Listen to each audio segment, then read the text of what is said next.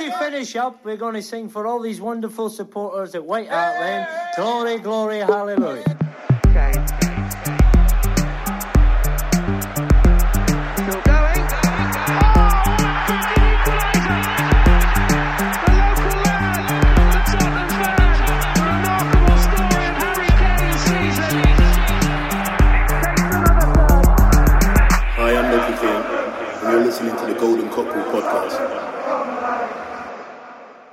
Velkommen, kjære Tottenham-venner, til en ny episode med Golden Cockerel. I dag har jeg tatt eh, hovedkontrollen bak mikrofonen, og med meg så har jeg eh, Lars Peder. Velkommen. Takk for det. Og vår gjest i dag, det er eh, Bertil Valderhaug. Du er sjef for sporten i Aftenposten. Det stemmer. Ja, velkommen skal du være. Takk for det. Vi eh, skal jo prate litt eh, med deg om ditt forhold til Tottenham, og vi skal prate om eh, de tre London-derbyene som begynte med Crystal Palace, fortsetter nå på søndag med Chelsea, og til slutt så avrunder vi med en del preik om North London Derby. Vi skal også innom kampen i kveld mot uh, Renn, og vi starter med deg, Bertil. Hvordan var det du ble Tottenham-sporter? Det er egentlig tredelt. Eh, det var først og fremst uh, cupfinalen mot eh, City i 1981. Da var jeg ti år, og gleda meg skikkelig til kamp nummer to. Jeg ble hekta på kamp nummer én, og så Ricardo Villa skåra to mål, og da var jeg fengsla. Så fikk jeg drakt i julegave samme år, og da, da var det gjort. Men egentlig så starta det et par år tidligere.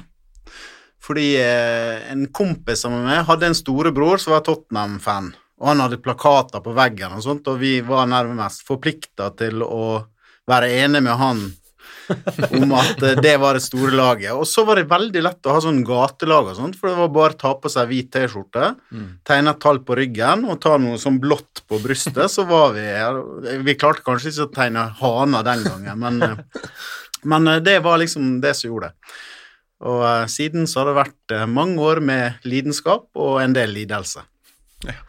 Ja, da avslørte du også hvor, hvor lenge du har holdt med Tottenham. Det, det jeg lurer på, liksom sånn opp gjennom oppveksten og sånn eh, eh, Hvilke minner du sitter igjen eh, mest med? Um.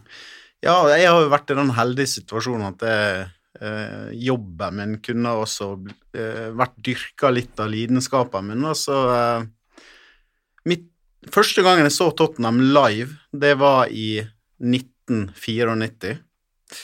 Og det var en helt historisk kamp på White Hart Lane, da Klinsmann eh, spilte sin første kamp for Tottenham der. Han hadde skåra og stupt borte mot Sheffield Wednesday.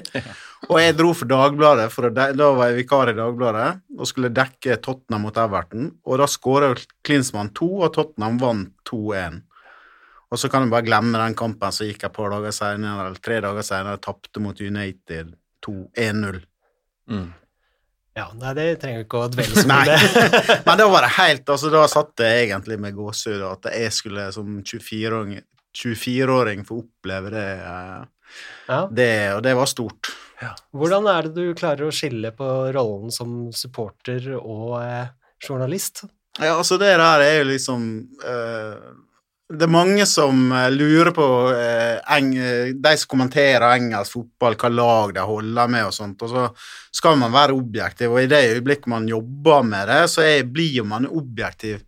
Men det er jo en grunn til at man begynner å jobbe med sport ofte, da, fordi at du har en iboende lidenskap fra bunnen av, og det ville vært veldig rart for meg å være en guttunge som spilte fotball og jobba med sport etter hvert, og ikke ha et lag som du heier på. Ja. Så eh, for meg så, så er det helt naturlig å si at jeg har alltid vært interessert i Tottenham, og jeg kommer til å være det selv om jeg jobber med sport. Ja. Det er ganske enkelt. Så til helga så skal jeg bort og se Tottenham-Chelsea. Ja, den kampen eh, er jeg veldig spent på. Hva, hva er dine ritualer rundt en sånn tur? eh? Nei, det er vel som folk flest, det er å dra opp tidlig, Ja. Eh, og dra på Bricklayers og eh, kjenne på stemninga, drikke et par pints og gå inn på stadion. eh, og eh, jeg syns jo den nye stadion er helt fantastisk. Mm. Selv om de to siste kampene jeg har vært på der, har jo endt med tap. Først mot Chelsea, sammen med dattera mi, og sammen med en kompis på Liverpool-kampen noen uker senere, der jeg tapte 1-0 der. Og siden så har det vært covid eh, covid-alarm i hele verden, så da har ikke vi kunnet få vært så mye på kamp, men nå gleder jeg meg til å dra bort igjen. Ja, for nå er det første kamp etter covid brøyt brøt ut, at du drar. Ja. Ja. Så jeg har brukt to timer på å fylle ut alle skjema, så jeg har nesten gangsperre i fingrene etter å ha fylt ut det. Så, men eh, nå tror jeg alt er i orden, og jeg hadde ingen covid når jeg tok testen i dag, så England, here I come. Ja. Det blir gøy, tenker jeg. Uh, kan du huske din første uh, Ja, du fortalte at det var i 94. Uh, Ja. At det var din første kamp. Eh, har du vært noe på eh, bortetur eller på noe Europacup?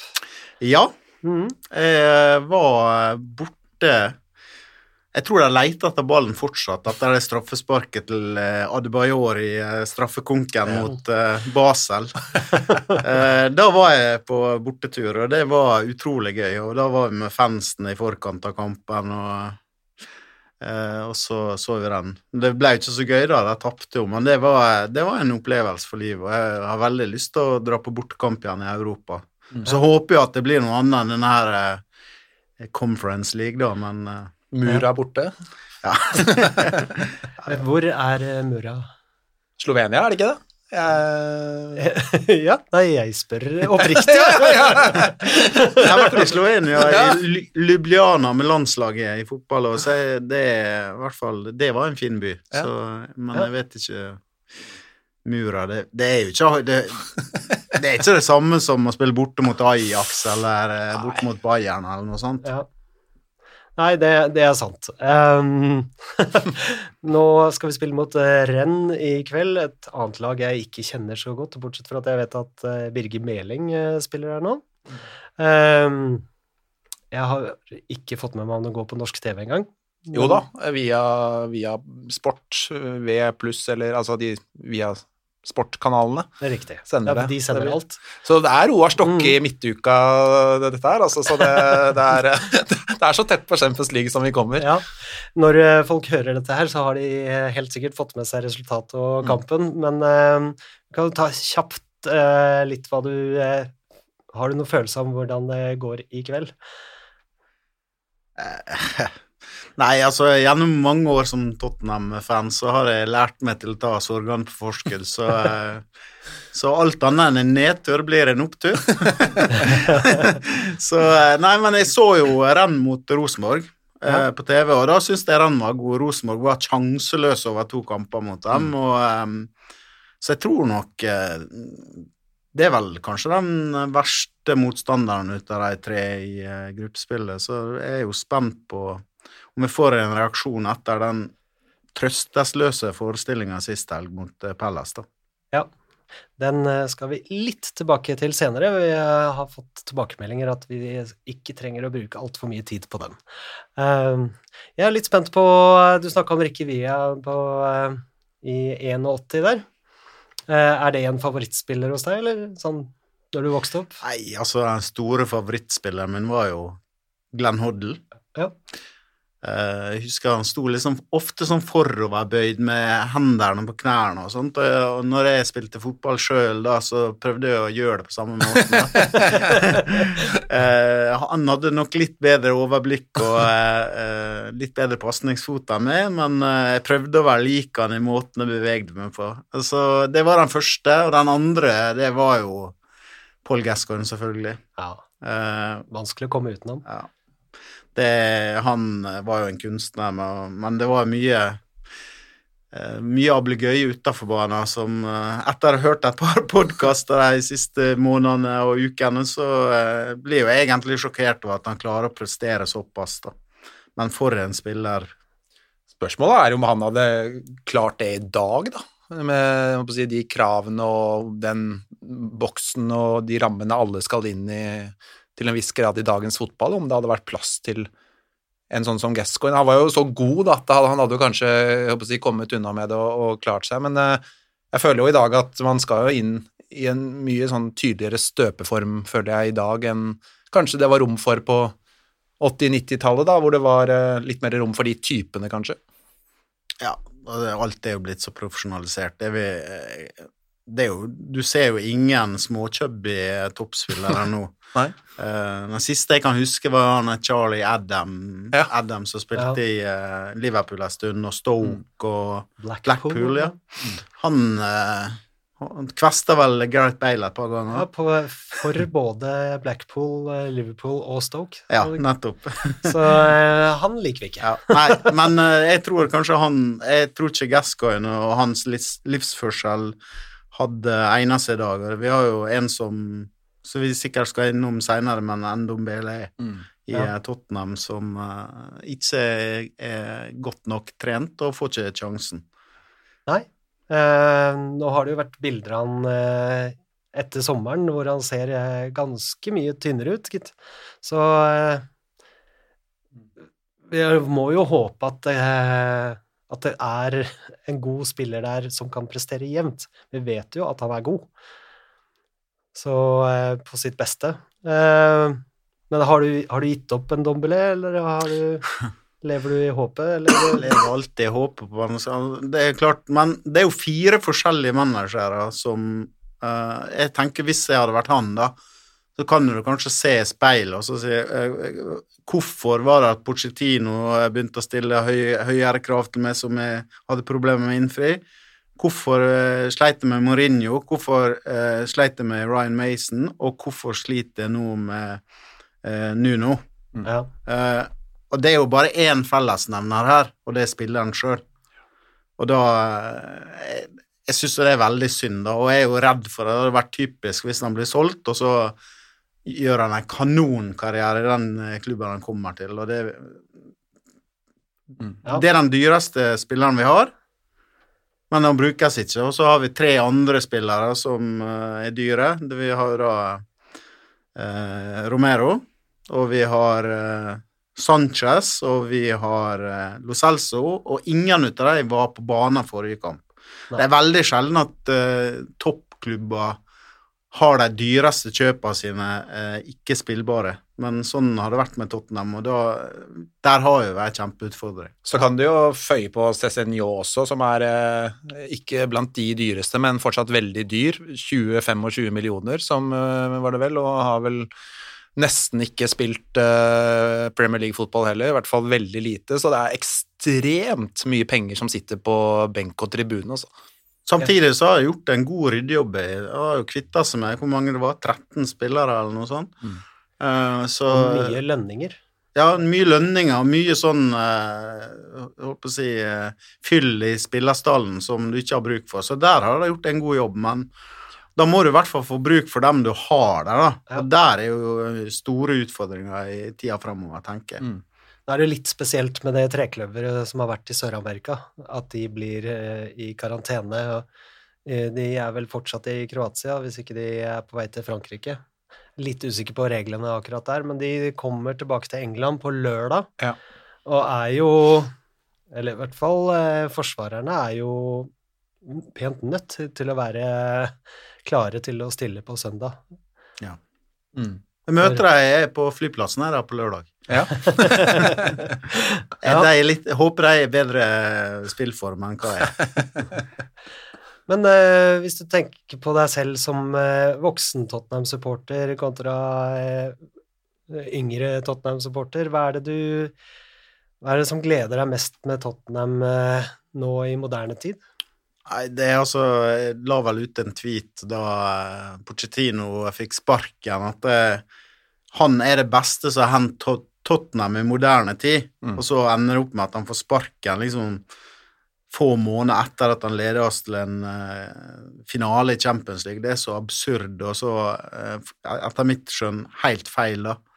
Um, så det er den epoken med han og de åra med han der der Tottenham i tillegg til å være underholdende også uh, fikk resultat. Det er jo Tottenham har alltid vært underholdende, men det har jo ikke vært i nærheten ofte, da.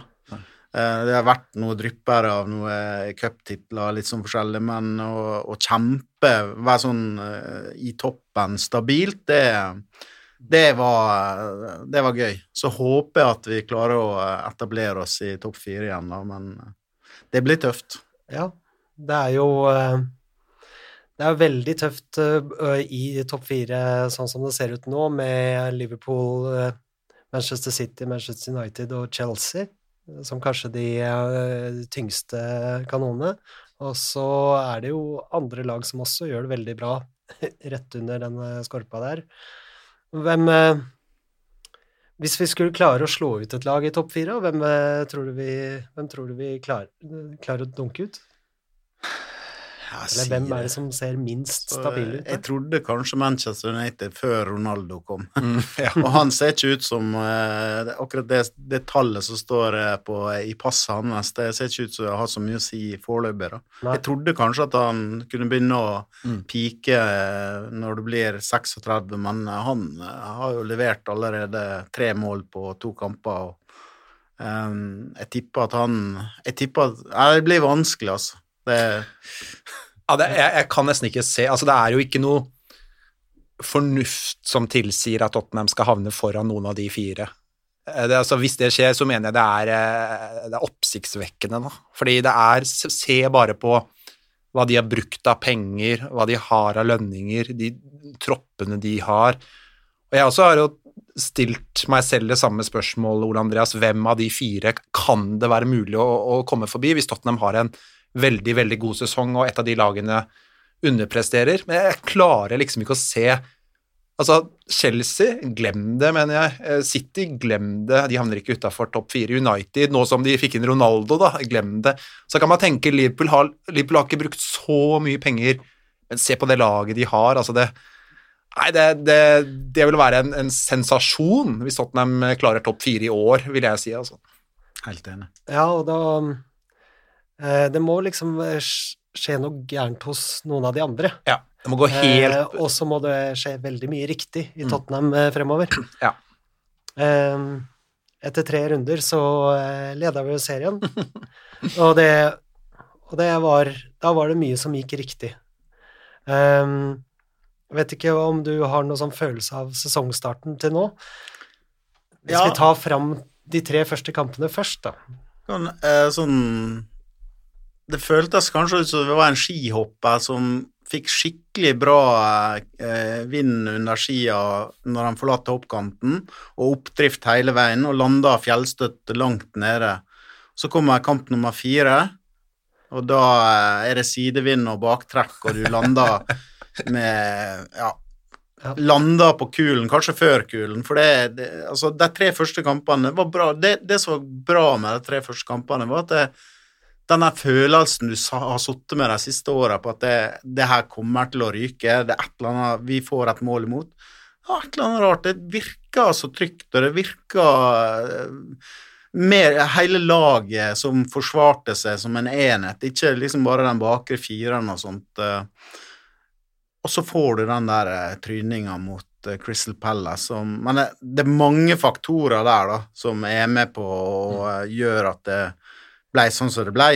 Men eh, det var skrekkelig dårlig. Det Mm. var eh, så eh, det var så langt unna det. Uansett om du stilte med mange spillere som kanskje ikke skulle være der, og du fikk et rødt kort og en skade på Erik Dyer og alt sånt, så, så var det så dårlig. Skapte ingen verdens ting framover.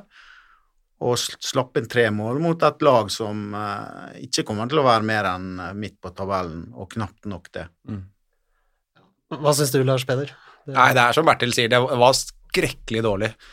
Jeg føler jo det er ganske mange ganger de siste årene jeg har sagt at dette er noe av det dårligste jeg har sett. Men, og, og, den, og det antallet kamper jeg har sagt det om, begynner å bli ganske stort. Men akkurat den kampen der var virkelig noe av det dårligste jeg har sett, offensivt spesielt. Altså Den første timen defensivt syns jeg egentlig er eh, ålreit. De slipper ikke til Palace så mye første timen, og så skjer jo det som skjer med det røde kortet til Tanganga, og, da snus jo forutsetningene på hodet, men så det er jo spesielt siste halvtimen Palace skaper mye, men offensivt er det jo helt krise. Tottenham har jo 0,00 expected goals første omgang. Altså, det, det, det, er, ikke, det er ikke et strømpeskudd på mål. Eh, men eh, dessverre så er jo dette egentlig, syns jeg, bare en forlengelse av de tre første kampene offensivt. Fordi Tottenham har jo skapt ekstremt lite fremover også i de tre første matchene. Ja, vi eh, merker jo at vi er veldig sårbare når vi har sånn ute. Eh, nå hadde vi Bergveien ute også. Eh, og så stiller vi med Winks, Skip og Høiberg på midten. Det er- oser ikke kreativitet av, de, av det trekløveret der. Og da syns jeg det Når vi da har gjennom hele sommeren eh, gått og sagt at vi skal tilbake til vårt DNA, vi skal være modige, så mista jeg litt piffen bare jeg så lagoppstillingen, liksom. Så eh, nei, jeg, vi skal ikke dvele for lenge ved den kampen, for eh, vi har rett og slett fått beskjed om å snakke minst mulig om den på Ja, det er mye man kunne på- sagt så- om den der, altså. Nei, det er Nei, jeg bare si én ting om den matchen. Ja. Eh, vi skal ikke bruke mye tid på det, jeg er helt enig med deg. Men det som jeg er litt forundret over, er at Nuno ikke gjør noe i pausen der. Fordi altså, de skaper, som jeg sagt, ingenting eh, før pause, og de har en midtbanetreer der med veldig lite kreativitet og fremoverkraft. Og han går på banen da pause, eh, etter pause og gjør egentlig ingen grep.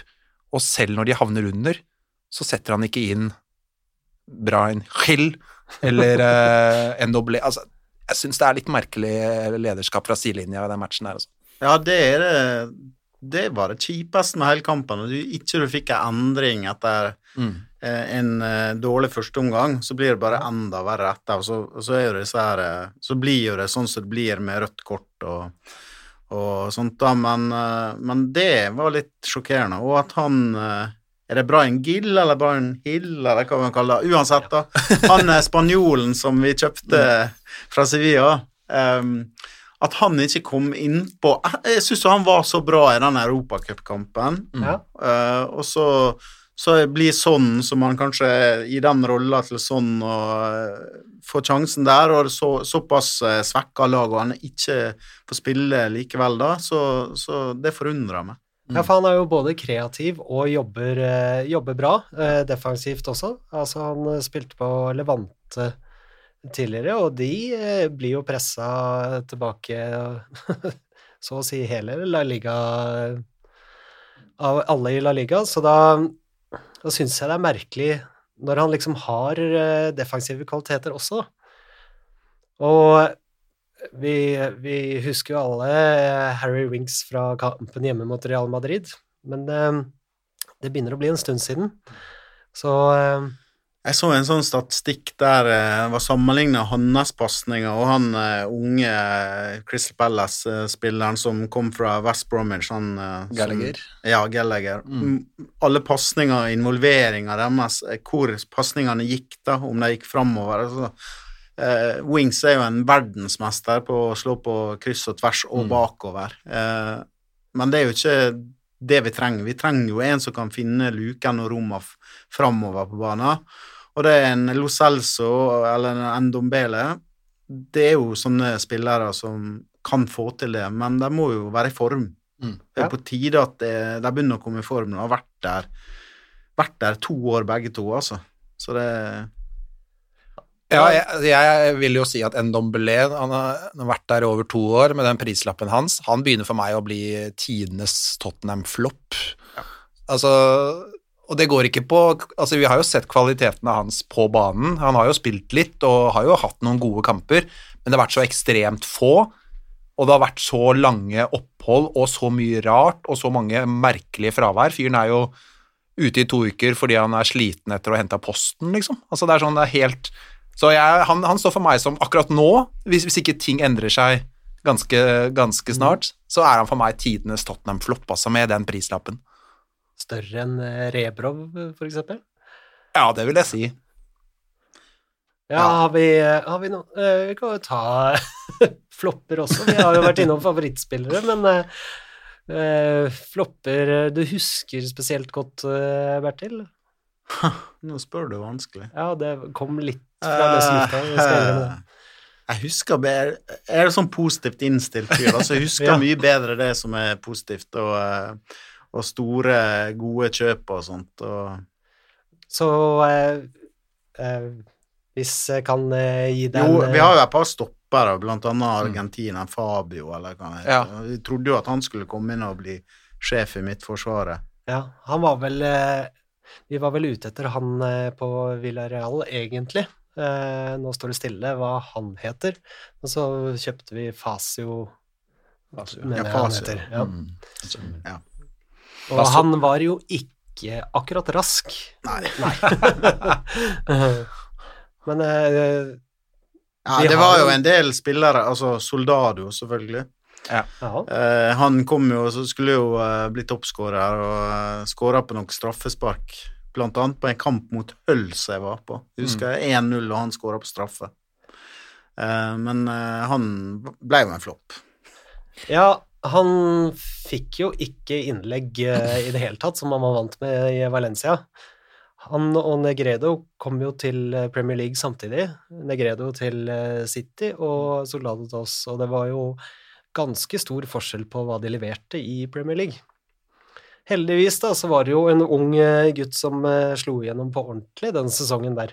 Mm. Uh, Mr. Harry Kane. Så eh, Det har vært mange, mange dårlige kjøp, altså. Men eh, hvis man skal kåre den største floppen, så mener jeg man må se på prislapp. Det har vært mange som har vært dårligere enn Rebrov og Ndombele og sånt, men da har det jo kanskje bare kosta en tidel, en hundredel av prisen omtrent. Men eh, ja. Um, det er, det er tøff, tøff konkurranse. Det har vært en del dårlige kjøp. Hvis vi går uh, i andre enden av skalaen, da. Eh, eh, har du uh, sånn topp tre uh, kule signeringer som du liksom Ja, Ikke altså- nødvendigvis de dyreste eller beste, men bare Det var et godt kjøp som jeg likte. Hvis du tar den epoken med Den siste epoken med Pochettino, da, så vil du jo si at Christian Eriksen Ja. eh, han, han Han ble vel henta inn for de Bale, blant annet Mm. En av de sju, var det det, som ble hentet inn for Bale. um, for de pengene. Han ble jo etter hvert en veldig god spiller for Tottenham, og det er et stort savn at det er en sånn type på laget nå. Og så syns du at uh, Dembele ble jo kjøpt fra Fulham. Han også en sånn type vi savner på dagens lag, som, Mm. som kan liksom dra seg forbi et ledd eller to og slå en kreativ pasning. Så de to eh, Og så eh, selvfølgelig Klinsmann i den perioden, og så har du tidligere enn det med Chris Waddle og Gassa og sånn, så det er liksom det er mange, hvis du tar hele spekteret, så har du selvfølgelig Ossi Ardilles eh, eh, da han kom eh, etter at Argentina ble verdensmester i 78 og sånn, så det, det er mange En lang, lang historie. Ja. Men det er jo mer Jeg liker best disse her kreative typene som, som handler om DNA til Tottenham. At vi, vi skal underholde, vi skal by på noe ekstra. Vi skal kunne dra av folk og skåre lekre mål. Vi, det, det er liksom Jeg er mer opptatt av den framover, det som skjer framover, enn det som skjer bakover. Det er mye vanskeligere å være god framover enn bakover. Mm. Ja, det ser vi jo også i internasjonal fotball nå, at eh, det er sjelden at eh, lilleputtstatene taper 10-0 lenger. Det er eh, Det går liksom Ja, kanskje til fire, da. Eller fem-seks, hvis det er eh, Og da er det Da har de blitt rundhjult. Ja. Vi skal ta en liten eh, jingle. Hi, this is Graham Roberts, and I'm listening to the Golden Cockerel podcast. Da er vi tilbake, og vi skal eh, høre når eh, Bertil eh, sp- nesten spilte for Tottenham, eller du spilte før Tottenham en gang. Kan du Ja. fortelle litt om det? Ja, eh, før om året så var det vanlig at engelske lag kom til Norge og spilte, og på midten av 70-tallet så var Ipswich, som da var eh, topplag i England, der var jo Ålesund og spilte. Og da hadde jo min far, som var gammel eh, fotballformann i Skarbevik, som er moderklubben min, de, eh, hadde, vi hadde besøk av Bob, sir Bobby Robson hjemme hos oss. Oi. Og, eh, og da ble jo far min Ipswich-fan, så han prøvde jo å få meg til å bli Ipswich-fan, og jeg fikk jo drakt der du limte på den eh, logoen. eh. Men det ble Tottenham, og ikke mange år etter at det ble Tottenham-fan, så kom jo Tottenham og skulle spille i Ålesund mot et bylag bestående av spillere fra Skarbevik og, og Ålesund og et par andre lokale klubber der. Og eh, vi fikk æren av å spille forkamp mot dem, mot Ålesund, eh, på Aksla stadion i Ålesund. Så det var veldig stort da å, å være så nærme dem, da.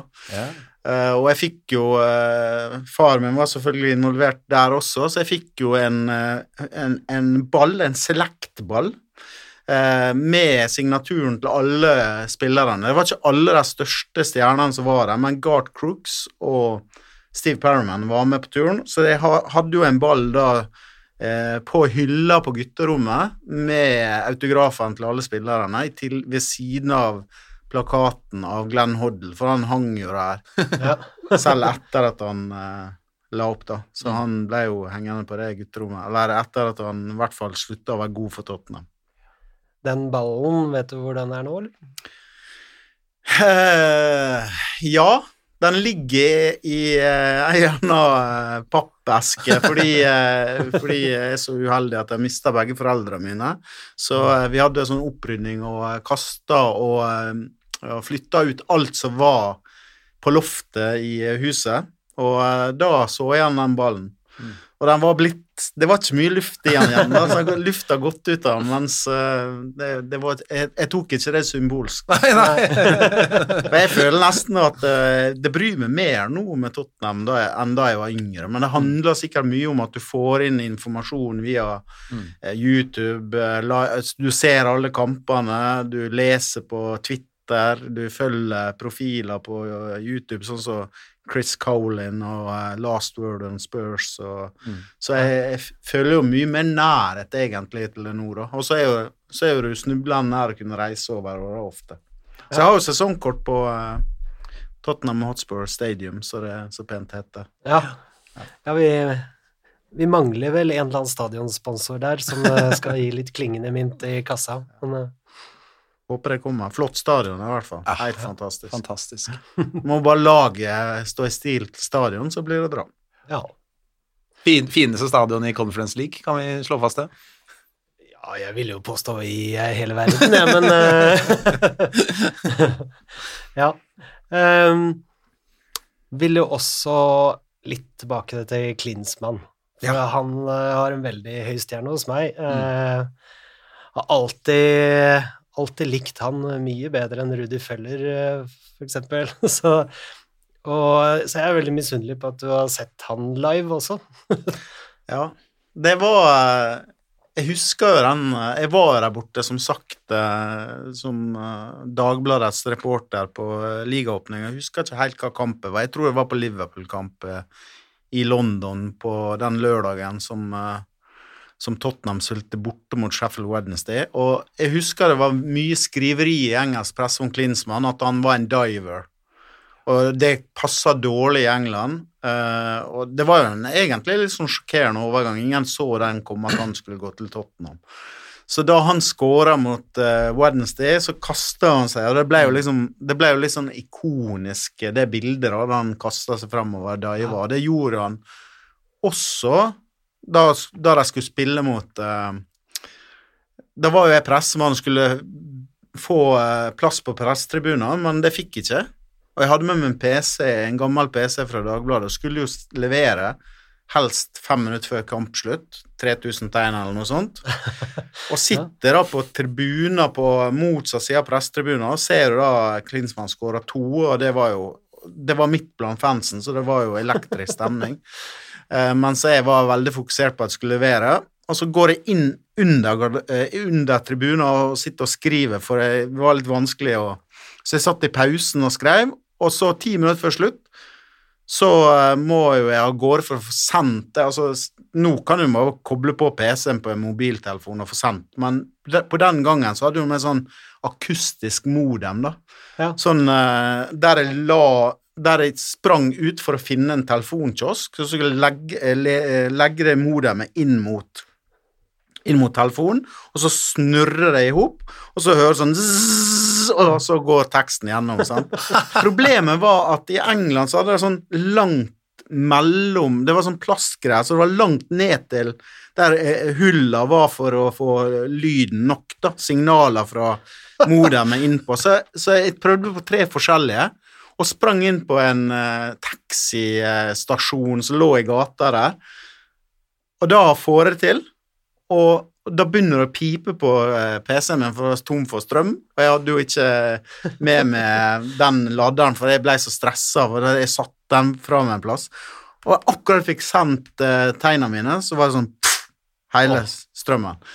Så, det var, så jeg klarte liksom ikke å absorbere hvor gøy jeg syntes det var med Klinsmann. Jeg var så stressa i øyeblikket at jeg, etterpå så er det sånn Når jeg sitter og snakker om det nå, så er jeg jo, jeg var der, og det var den stemninga som var på White Hart Lane da, det var helt utrolig, altså. Det jeg tror jeg aldri har opplevd før. da. Han, han skåra jo to og kasta jo seg, og diva jo da, og det var, det var stort, altså. Det høres jo nesten ut som altså, Det er jo en helt annen hverdag enn i dag. Eh, Bare Hvis noen hadde sagt til meg ok, du må dra til England, og så, så må du gå i en telefonkiosk, og så må du surre ledningen rundt til å høre Det høres ut som noen driver en prank, da. Jeg er liksom sånn når jeg, jeg var jo på da, da Norge slo Brasil, så var jeg på og satt der og hadde akkurat samme rammebetingelser. Jeg skulle levere helst ti minutter før slutt, slik at vi fikk det på trykk i papiravisa. Og, eh, og jeg, har, jeg driver og sender saken min på 1-0 til Brasil. Så får eh, Så skår... Nei, så eh, skåra Tor André Flo 1-1. Men fortsatt var Norge ute av VM. Og så, når jeg sitter og skriver og forandrer litt i teksten, så roper folk ved siden av meg 'det er straffe'. Og da sitter jeg der, så vet jeg at hvis han scorer på straffa, så kommer Norge videre i eh, VM, det, det vil være historisk ja. øyeblikk, kanskje noe av det største norske idrettshistorie. Men samtidig så får ikke jeg levert det jeg skal levere, og det er helt krise profesjonelt for meg. Kan- Så sitter du den der absurde følelsen. Ja, kan, kan jeg da Da er du ganske fersk Ja. journalist. Kan, kan jeg spørre 23 år etterpå Var det noe i deg som, som håpet han skulle bomme på den straffen, så, så du fikk ut den saken? Ja, jeg har til og med skrevet det. Ja. Bom, Rekdal, for guds skyld, bom. Men så, det er den umiddelbare greia du tenker, da. Og da, er da tenker du knapt nok til egen nesetipp, men så, så begynner du å skjønne at det, avisa kommer ut likevel, og det, det Ja, ting, ting går videre. Men det var det var mens alle andre var helt høye og rusa på eh, den opplevelsen, så var jeg superstressa. Det er sikkert 170 i puls av, eh, på stressnivå, men det er gøy å oppleve det sånn, da. Det er gøy, du er jo privilegert som får være til stede på sånne store begivenheter. Jeg husker jo før VM-et, så ble jo billettene sluppet på et tidspunkt, og så måtte du ringe eh, Uefa eller Fifa eller hva det var, og håpe på at du kom igjennom. så jeg har en kamerat, han, han kom igjennom og så bare Å ja! Øh, jeg må ha kredittkort. Eh, og måtte forte seg å finne kredittkort for å kjøpe billetter, da, for det var liksom han hadde ikke regna med å komme gjennom, så, men han, han var på kampen. Eller, eh, apropos Tottenham-historie, så jeg Øyvind Leonardsen kjente jeg veldig godt, for jeg jobba med han og eh, hadde en del med han å gjøre privat også. Da han spilte i Tottenham, så fiksa han sånn uh, billetter til oss i Players-loungen. Eh, men Leo var skada, så han dukka jo aldri opp der. Men vi var jo, jeg og to kompiser var, kom jo inn i Players-loungen, og det var Tottenham Sunderland. Jeg tror vi vant 2-1. Eh, der eh, Da spilte Sheringham og sånt, og, eh, og han kom jo bort og skulle hilse på oss og sånt, og han ene kompisen min han utga seg for å være Leos big brother. Eller little brother, var det kanskje. Eh, og, og ble jo stående og snakke med Teddy Sheringham en stund, og det var jo det var litt gøy å være i den eh, der, da. ja, det Det var en fryktelig dårlig fotballkamp, husker jeg i hvert fall. Ja. Men gøy var det.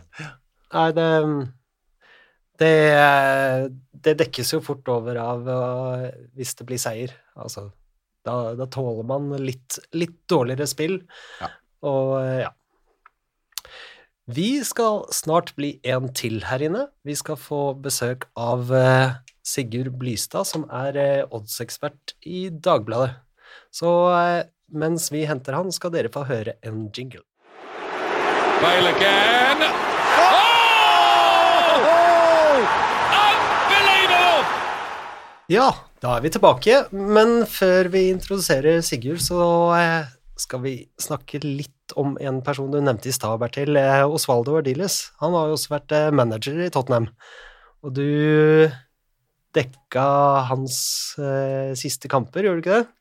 Jo. Eh, jeg hadde jo eh, det vikariatet i Dagbladet Sporten, så jeg kom på jobb på en eh, onsdagsmorgen, tror jeg det var, eller tirsdag, det var i hvert fall midt i uka, der eh, vi ble enige om at jeg skal dra bortover til England, for Ardillas kom til å få sparken. Eh, Så jeg tar et fly til Manchester, skal se Tottenham, eller Notts County Tottenham i cupkamp eh, i Nottingham. Tar flyet til eh, Manchester, og så var det litt forsinka og sånn, så jeg måtte hive med en taxi og dura ned til, eh, eh, til Nottingham i taxi og kom for seint på kampen. Så da jeg kommer dit etter eh, et par og 20 minutter, så leder Notts County 2-0. Jeg er på tribunen, og så blir det Torstvedt står i mål, og det blir 3-0. Og da brant det skikkelig under føttene på Osvaldo Ordilla. Så jeg husker jeg sånn Etterpå da, så sto bussen inn til eh, garderobedøra til Tottenham, så det var bare sånn en meter mellom, eh, mellom murveggen og bussen. Og der kommer spillerne kjapt inn. Og da trenger jeg meg fram, for jeg måtte få et sitat fra Erik Torstvedt. Så når Torstein kommer, da, så husker jeg han sa det at sånn går det når du har eh, halve laget uten et defensiv fiber i kroppen. og da var det Sheringham, Klinsmann, Barmby eh, Anderton og Anderton og en til altså det, var, det var i hvert fall Domitrescu, tror jeg. Ja. Ja. Eh, neste kamp var hjemme mot Westham, og da havna jeg på pressetribunen rett bak eh, benken der Ardilla skal sitte. Så jeg, jeg kunne nesten ta på han ved å strekke fram armen.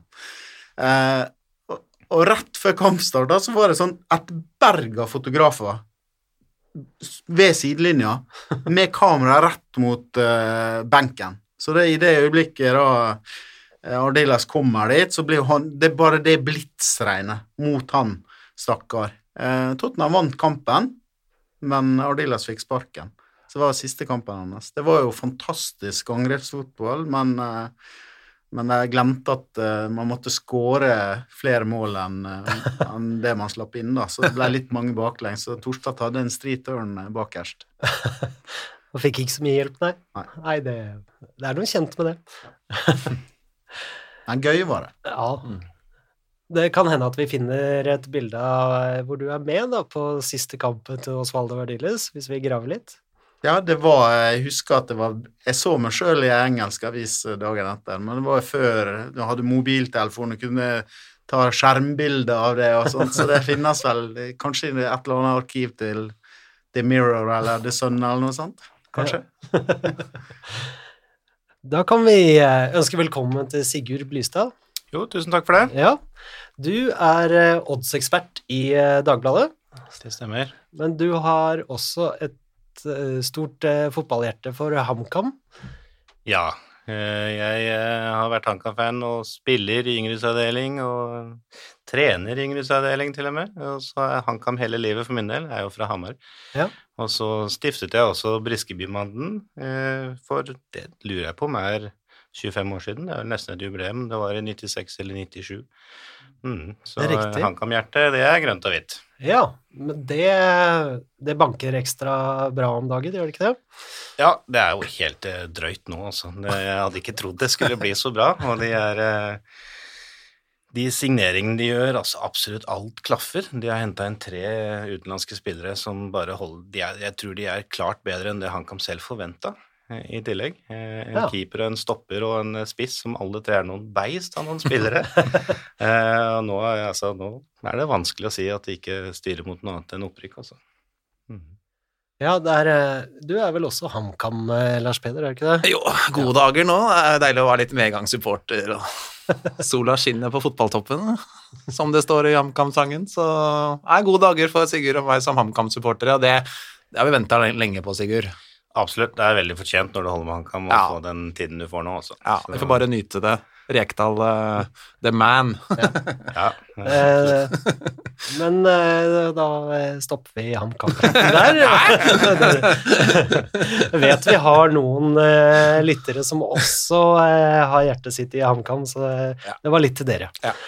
Ehm, nå eh, er jo denne episoden eh, allerede for gammel for de som har sett uh, kampen mot uh, Renn i kveld, men vi, jeg tenkte å ta en uh, kjapp runde rundt bordet, bare å spørre om vi vinner Om du tror på seier, uavgjort eller tap, da. Og da kan vi begynne med deg, Lars Peder. Ja, nå er den kampen ferdig, så da, da kan vi slå fast at dere har vært vitne til en uh, litt stusslig 1-1-kamp. Litt Optimistisk som vanlig. ja. Og Bertil, hva er dine I og med at vi snakker om Hamar og sånn, så er jo jeg hovedsponsoren til Norsk eh, Tipping, så eh, det, Som holder til på Hamar, så jeg tipper alltid Tottenham-seier, og det gjør jeg i dag òg, så får vi se. Ja, flott. Um, og du som eh, Hvis du ville satt eh, odds på eh, dagens kamp, eh, hva, hva legger du til grunn da? Nei, jeg tenker jo at det er eh, ganske mye bingo inne i bildet. Eh, Det er eh, altså så enkelt som at hvis eh, Renn kommer med sitt beste lag, og Tottenham ikke gjør det, så tipper jeg vi snuser på en hjemmeseier, og blir det motsatt, så snuser vi på en borteseier. Og, eh, men eh, høyst sannsynlig så blir det vel en litt sånn blanding av eh, hva, hva man kommer med. I en Europaliga og Conference League så handler egentlig alt om laguttak. Men Ja. uh, Renn har, altså Renn har en gjeng med 18-19-20-åringer som er fryktelig gode. Uh, Men uh, ikke bedre enn at de taper mot Tottenham hvis Tottenham kommer sterkt. Så jeg helgarderer meg litt. Ja. Og så heller jeg mot at det i sånne kamper så har hjemmelaget en tendens til å ha en liten fordel når det er mye hviling av spillere og sånn, så jeg snuser litt mot en rennseier, da. Ja, nei, det, da sier vi takk til Sigurd. Hyggelig at du stakk innom.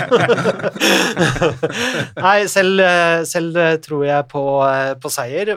Jeg tror at disse spillerne som står og banker på døra, har lyst til å vise seg fram, og Renn er en verdig motstander å gjøre det mot. Um, jeg tror Brian kommer til å melde seg enda mer på i kampen om en plass i startoppstillingen i kampene som kommer.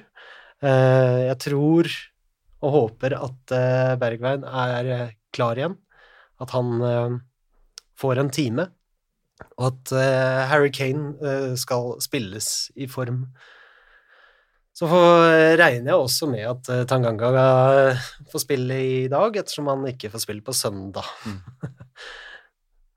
Ja, hvis jeg skal tippe resultat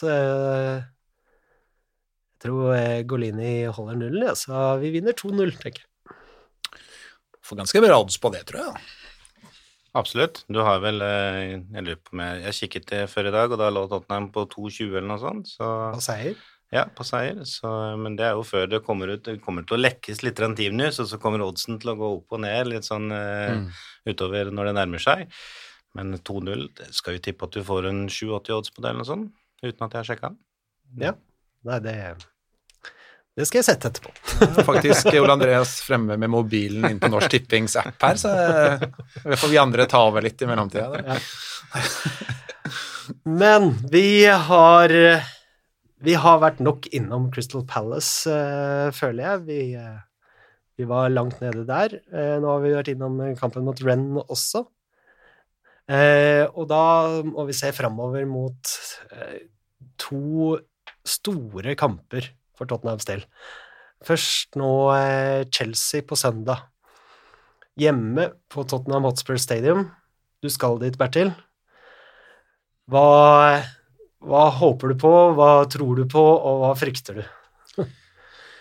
Eh, jeg hadde jo faktisk tenkt meg på City-kampene også, og når jeg satt hjemme i stua og fulgte den og merka for at trykk det var på stadion der, så tenkte neste gang det kommer en storkamp, så skal jeg over. Og eh, det er jo den der eh, håp og troa på at det skal bli en sånn eh, aften der du der du løfter det sammen med 62 000 andre, og laget løfter oss, i, og at du får en sånn kok, trykkoker, det håper jeg. Og så selvfølgelig seier. Um, så er det helt umulig å vite med Tottenham. Altså, plutselig så vinner de mot Chelsea, men eh, jeg var der på den forrige Chelsea-kampen uh, uh, på stadion der med publikum. Da tapte de 2-0, og det var skikkelig dødt, for de lå under 2-0 ved pause, Mm. og sånn ble utvist da vi skulle prøve å, å, å redusere og etter hvert utligne. Altså, det, det var en utrolig nedtur, så jeg håper at eh, vi får en kamp med nerve og trøkk, og da blir det bra stemning. Sigurd, hva tror du oddsen er på at Rudiger får buing etter seg på søndag? Nei, Det får han helt sikkert, så den oddsen er nok ikke så veldig høy. Nei. Men som eh, litt uh, utenifra, da, eh, hva Chelsea ser jo veldig sterke ut denne sesongen. Hvilke sjanser levner du Tottenham i denne kampen? Nei, de har jo en god sjanse, Tottenham. Altså, jeg er jo ikke noe sånn, eh, sånn spesielt negativ til Tottenham. Jeg tenker at det er vel ligaens femte beste lag, omtrent. Eh, Med mindre noen mener Westham, Leicester er bedre. Men eh, altså, da er det jo selvfølgelig mulig å slå de topplagene. Det viser dem jo mot eh, Manchester City også. Men altså, Chelsea ser eh, vanvittig gode ut. og de har gjort noe så sjelden som å plugge de hullene de har hatt også. Eh, åpenbart keeperhull som de plugga i fjor, og et eh, åpenbart eh, spisshull som de plugga i år. Det eneste de ikke gjorde, var å plugge det som er et sånn bitte lite stopperhull, vil jeg si. Så de er i ferd med å bli et helt komplett lag og ser eh, veldig, veldig gode ut. Men eh, på hjemmebane i Premier League så kan jo Tottenham slå absolutt alle. Ja. Lars Peder, hva tenker du? Nei, jeg tror det blir knalltøft. Men så er det jo litt som Bertil sier, at uh, hvis du får den derre dagen da, på hjemmebane der hvor bare alt sitter og eh, stemningen er i taket, og de får en god start, kanskje tar ledelsen 1-0, altså det er en sånn maksdag da, uh, på alle mulige måter, så, så kan de, som Sigurd sier, slå Chelsea. Uh, men sånn i utgangspunktet, som vi var inne på litt tidligere i podkasten, altså Chelsea og de andre topp fire-lagene nå, de er, de er kanonsterke, og um, jeg, jeg skal innrømme at det er lenge siden jeg har egentlig hatt en såpass skal jeg si, dårlig følelse før en kamp mot Chelsea som nå, da. For jeg føler at Chelsea er så bra nå. Som du sier, Sigurd, de er, de er i ferd med å bli et komplett fotballag. De har tettet de hullene som var der, med liksom, du entrer i Lukaku, altså det er helt vilt, det greiene. Og Tottenham, som da egentlig har sett ganske dårlig ut i høst, da. Så nei, det der blir, det blir tøft, men det, det, det kan gå på en maksdag, da. Ja, vi har jo vært best mot det beste laget. Eh, absolutt. Vi, Det var da vi hadde flest eh, målsjanser og eh, best XG, eh, mener jeg å huske. Eh, men her handler jo mye om å stoppe Lukaku, ikke minst, og, eh, og da skape noe fremover. Og hvem, hvem kommer til å stoppe Lukaku, Bertil? Ja, det blir Paul Miller og Gary Mabbott eller noe sånt. Nei, si det. det. Kampen en kveld vil jo kanskje gi litt svar på om Dyer er tilbake eller er han. og så, eh, men det blir vel debuten til Romero i Premier League fra start, da, vil jeg tro. Hvis han uh, har skikka seg bra i Kroatia og trent uh, godt og eh, Så hvem skal spille? Ja, Sanchez, kanskje. Og da har du to stykker som ikke har trent med laget på mange uker, som skal inn og danne et nytt eh, stopperpar mot eh, ja, kanskje det beste laget i England. I hvert fall et av de aller beste. Regjerende mester i Champions League og sånt. Det er jo ikke Og de har i tillegg fått Lukaku. Så nei. Eh, det kan godt hende at dette der blir en bomtur, men eh, vi får leve i troa og håpet. Hva er Jeg, jeg tenker også litt etter den, eh, de som så Arsenal-Chelsea, mm. at det, handler ikke bare om å stoppe Lukaku. Eh, Det det handler om med Chelsea, er å stoppe wingbackene deres. og så stoppe hvis Havert spiller, stoppe Mount, altså de som serverer Lukaku. For Lukaku kommer ikke nødvendig Han er ingen Drogba som bare tar ballen og sprinter 30 meter og moser den i. Eh, Så det, det du så med Arsenal, som de ikke evna i det hele tatt, var å stoppe Reece James på høyrevingen, som hadde en motorvei eh, gjennom hele kampen, egentlig. Og klart, eh, da skårer Lukaku, når, eh, når de spillerne får fritt spillerom. Så ja. hvis du ikke har en stopper som er, du tenker liksom han kan stoppe Lukaku, så kanskje du kan stoppe de som fòrer ham med baller, i alle fall. Ikke sant? Og der har vi jo eh, en ny en på høyrebekken, eh, Royal. Eh, han har fått én kamp. Ik ikke spesielt heldig start, men han, han satte seg jo veldig i respekt, og det er et herlig bilde når han står skrevs over en gråtende Saha. og så det at, som Sigurd sier, da, at vi, hvis vi hvis vi ikke klarer å plugge hullet, så må vi i hvert fall skru av krana. Eh, for- for å- Fantastiske metaforer, Andreas. Ja, takk. Så Men det eh, Det andre vi må gjøre, er jo å skape målsjanser og mål selv. Og der er det mange spørsmålstegn. Blir sånn klar? Blir eh, Bergveien klar? Um, er Lo Celso eh, inn, eh, altså, kan han spille? Kan en dombele spille? Har vi noe kreativt og målfarlig forover? Så kan det bli gøy. Men eh, hvis vi stiller med med Wink, Skip og Høibjerg på midten igjen, så blir det vanskelig. Det er jo det som er sjarmen med fotball. da. Det er så mange ubesvarte spørsmål, og så eh, lite Det er så lite som er statisk, da, i hvert fall med Tottenham. Ja. Men det er jo det er jo kanskje derfor vi syns det er så gøy med dette laget her òg.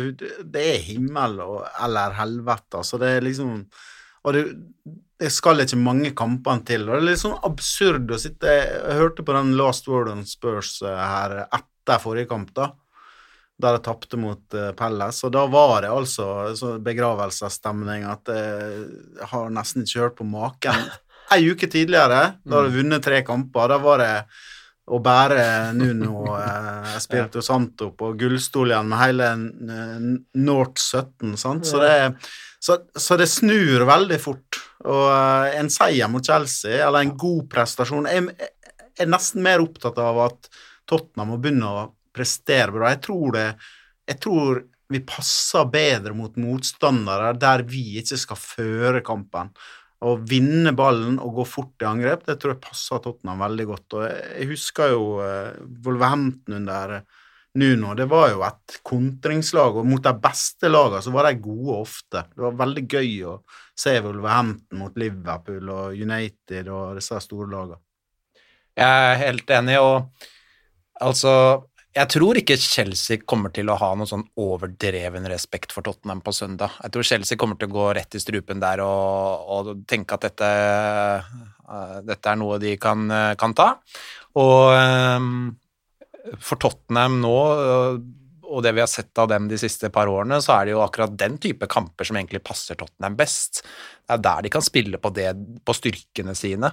Det kan godt hende det misforstår meg rett, men det å møte Chelsea, da, at det, det passer dem like bra som å møte Watford og Palace. Altså, for det, det, hvis, hvis vi får sånn klar til søndag, får Bergwijn klar, altså, og, og klarer å stable på plass et godt stopperpar, og, og kan eh, kanskje straffe Chelsea, da. Eh, kanskje skal man kjøre Tanganga ut på høyrebekken for å demme opp Det kan vi eh, ikke. Nei, sorry, han er jo han er ute. Det kan vi ikke gjøre. Men, eh, men jeg, tror, jeg tror uansett det vi har sett av, av Tottenham mot lag som ja, City, de der kampene hvor de får muligheten til å, å, å kontre, da, og løpe på dem. De får plass. Altså, det er der eh, jeg syns Tottenham har egentlig levert de beste prestasjonene, så, så håpet er jo at vi får en, eh, en sånn type kamp, da.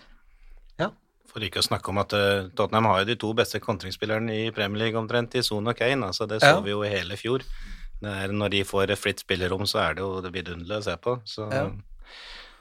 Eh, Jeg håper jo at dette er en eh, kamp som Kane eh, vokser med, da. At eh, han, han tar ansvaret sånn som han gjorde i eh, EM, og bare har en sånn Any Given Sunday-speech i forkant, og at det pepper hele laget.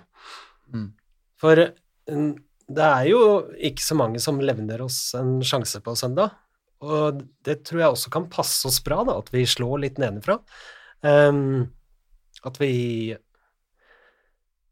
At vi eh, At vi gjør spådommer til skamme. For det, vi har, det har vi gjort før, Uh, og det er verre. Selv om Tottenham skal spille med flair og være underholdende og sånn, så er det resultater som teller i bunn og grunn, og da trenger vi å få Vi trenger å få en heldig seier, vi trenger å få en stygg seier. Seier er seier. Nå, jeg ser jo på høres jeg veldig sånn eh, pessimistisk ut, men eh, ja jeg, jeg håper at vi, eh, vi, vi stiller opp og gjør en god kamp, da, som Bertil sa. At vi, vi biter fra oss og, og, og lager kamp, ikke at vi ligger nede som et skadeskutt dyr. Jeg tror vi er helt avhengig av å få en god start i den kampen der, og bygge litt momentum og skape en sjanse ganske tidlig der og få publikum litt på beina. og hvis, hvis vi får et tidlig baklengs der Chelsea tar ledelsen eh, tidlig, og, og altså, da, da blir det tøft å snu det mot Chelsea. Det blir, blir vanskelig. Jeg ser liksom Oddsen på dette her er jo, ligger jo sånn mellom fire og fem på Tottenham. Det er ganske, det er ganske sykt, altså. Tottenham hjemmekamp, eh, det er høyt, Sigurd. Det er det altså. Så tror jeg markedet, eller Norsk Tipping spesielt, da, mener jo at det er større sjanse for at Chelsea vinner enn at de ikke vinner. Mm. Og borte mot Tottenham, det er ikke ofte du får se det, altså. Men eh, det var nå ikke så veldig stor, stor sjanse for at Tottenham skulle slå City heller, mente de fleste, og de slo de, men nå, nå møter de et litt annet lag. Eh, City var jo første kampen for året og var ikke helt spilt inn. Chelsea har jo, hvis du ser på hva de gjorde på slutten av sesongen i fjor, så lekte de seg med City tre ganger i løpet av en måned. Eh, De møter en veldig, veldig bra taktisk trener. Men altså, det er absolutt ikke umulig å slå eh, Chelsea. De er, de er ikke sentralt eh, defensivt, så er de ikke helt, helt i toppklasse eh, med Son og Kane på banen. Jeg tror nok Son er en nøkkel. Hvis ikke han blir klar, så blir det vanskelig, altså. Men med Son på banen, så er det absolutt ikke umulig. Altså. Hvem, eh, hvis sånn ikke er klar, da, Bertil, hvem eh, setter du innpå da? Altså, du kan jo spille med Kane og Bergwijn og uh, Mora. Mm. Ja. som de topp tre. Mora har en tendens til å være god i disse kampene der han får litt mer rom, fordi Mm. han er flink til å spille ballen i rom og løpe. Eh, i, hvis han får for mye tid å tenke som og gå oss inn i dårlige eh, situasjoner, så, er, så blir han middels. Men så jo Altså, ja, eh, kampen mot City var han kjempegod. Altså, da fikk han akkurat en sånn komme med fart og dra seg forbi en og skape rom og sånt. Så eh, jeg tror han passer fint til den kampen. Og Bergvann var jo Spilte jo tre gode kamper eh, før han eh, før han ble skada nå med landslaget, så han er jo tilbake igjen på landslaget. Og de klippa jeg så med Nederland, så så jeg han ganske aktiv ut der òg, så han har jo fått selvtillit. Han trenger bare å skåre. Så jeg har stor tro på han denne sesongen her, altså. Så, men det er klart, sånn er jo en verdensklassespiller, så at vi bør jo håpe, håpe han er klar, altså. Ja. Han er ikke med til Frankrike i dag, da, det, det vet vi. Så ja, vi satser på at han, eh, han blir eh, klar. Um, ja, skal vi eh, prøve oss på et lite resultattips her også, eller? Lars Peder? Åh, må jeg starte? Kan jeg få lov å bare se hvor vi legger lista her? Kan vi starte i motsatt ende, eller? Nei. Nei, altså. All fornuft, da. Tils. Legg fornuften til side. Hva- Skal jeg ta med hjertet? Ja, ok, ja, ja. Ja, du kan ha, eh, du kan ha eh, 50-50 hjertefornuft. 50-50, ja. da blir det 2-1 til Chelsea. Oi, oi. Nei, men eh, ja, jeg kan si 1 igjen, da. Jeg skal, skal være litt positiv. Ja, Bertil, hva Jeg tippa 1-0 til Tottenham. 1-0 til Tottenham. Det, Det bra. det, det tar jeg. Ja. Eh, jeg er eh, Jeg ser på glasset som halvfullt, spesielt hvis vi får med Sonn og Bergveien, så da tipper jeg vi får en eh, tidlig scoring og eh, en sen scoring. At det blir eh, 2-0 til Tottenham. Tottenham minus én på oddsen, den tror jeg du får da. Det Det blir mer enn på Det blir bra sommerferie. Så har vi jo deg da, Sigurd, som eh, Ja, jeg er jo glad i en underdog, jeg, da. Eh, og jeg tippet jo renn i stad. Eh, jeg tenker at Tottenham gir litt F i den rennkampen. ja, Altså. Eh, det er det verste laget de møter. De skal bare bli topp to. Så jeg, jeg, litt av grunnen til renntipset at jeg tror Tottenham kommer til å stille ganske dårlig, og har alt fokus inn mot eh, denne Chelsea-kampen. Og litt sånn enig med hva du, Bertil, som sa i stad, så det er en litt sånn kamp for Tottenham, det her. Eh, Så jeg er heller mot at Tottenham går opp i en eh, være veldig spesifikk, går opp i en 2-0-ledelse, og så slutter det 2-1, seier til Tottenham. På tide at Chelsea taper en kamp òg. Ja, den tar vi. Men husk på at vi spiller for fulle tribuner. Det er akkurat det der å, å få med seg fullstappa stadion og trøkk og entusiasme der, det, det er en ekstra mann på laget, tror jeg. Men, men det er det sånn, Nå har jeg vært, øh, vært på noen kamper der, men ikke så mange. Men mitt inntrykk er at det er litt sånn enten-eller øh, på den nye stadion til Tottenham. Og hvis de først, i hvert fall i sånne type kamper, da kanskje får det første målet og skaper litt momentum, som jeg var innom, så, så kan det ta helt av der. Men skulle det komme to kjappe i sekken, da, så kan vi oppleve det motsatte. Så jeg tror det er litt sånn viktig å, at Tottenham får satt litt fyr på seg selv og egne supportere. Men en, en, en litt unødvendig takling på Rudiger fra Kane der i starten, og Ja. med litt tilstand fra dommer, da har vi Da står folk på tribunene og Ja. Ja, nei, skrekken er jo å oppleve det som skjedde sist, at Chelsea skåra tidlig, og du får en sånn At du hører omtrent de snakker med hverandre, og du hører liksom ballen gå fra fot til fot. Det, da, er, da er det kjedelig, altså. Det er, så det Vi får håpe vi unngår det. Tror ikke det er noe verre lag enn å slippe inn mot enn Chelsea, sånn som Chelsea ser ut nå. Da setter Kante og Kovacevic inn seg, og de bare De stenger. Ja. Altså, Ja, de det er er- det er helt flinke på å Ja. ligge bak og bare låse av. Ja. Så ja. Nei, det, det, det blir en tøff kamp, det er sant, og, men jeg mener vi har alt å vinne. Mm. Da skal vi snart over til North London Derby. Da var det dags å prate om eh, kampen vi alle ser etter når eh, ligaoppsettet kommer. Eh, hjemmekamp og bortekamp mot Arsenal. North London Derby. Eh, nå på søndag er det Chelsea, og så er det Arsenal. Borte på Shamerates Nei, unnskyld, Emirates. um, og eh, Sigurd, du er jo her i, i en annen kapasitet også. Du er Arsenal-supporter. det stemmer, det. det er eh, rått parti her, tre mot én. Ja, Ja. eh, Arsenal-supporter har jeg vært siden jeg var seks år gammel. Da var jeg på Highbury. Vi var på vår første utenlandsferie i familien og dro til London.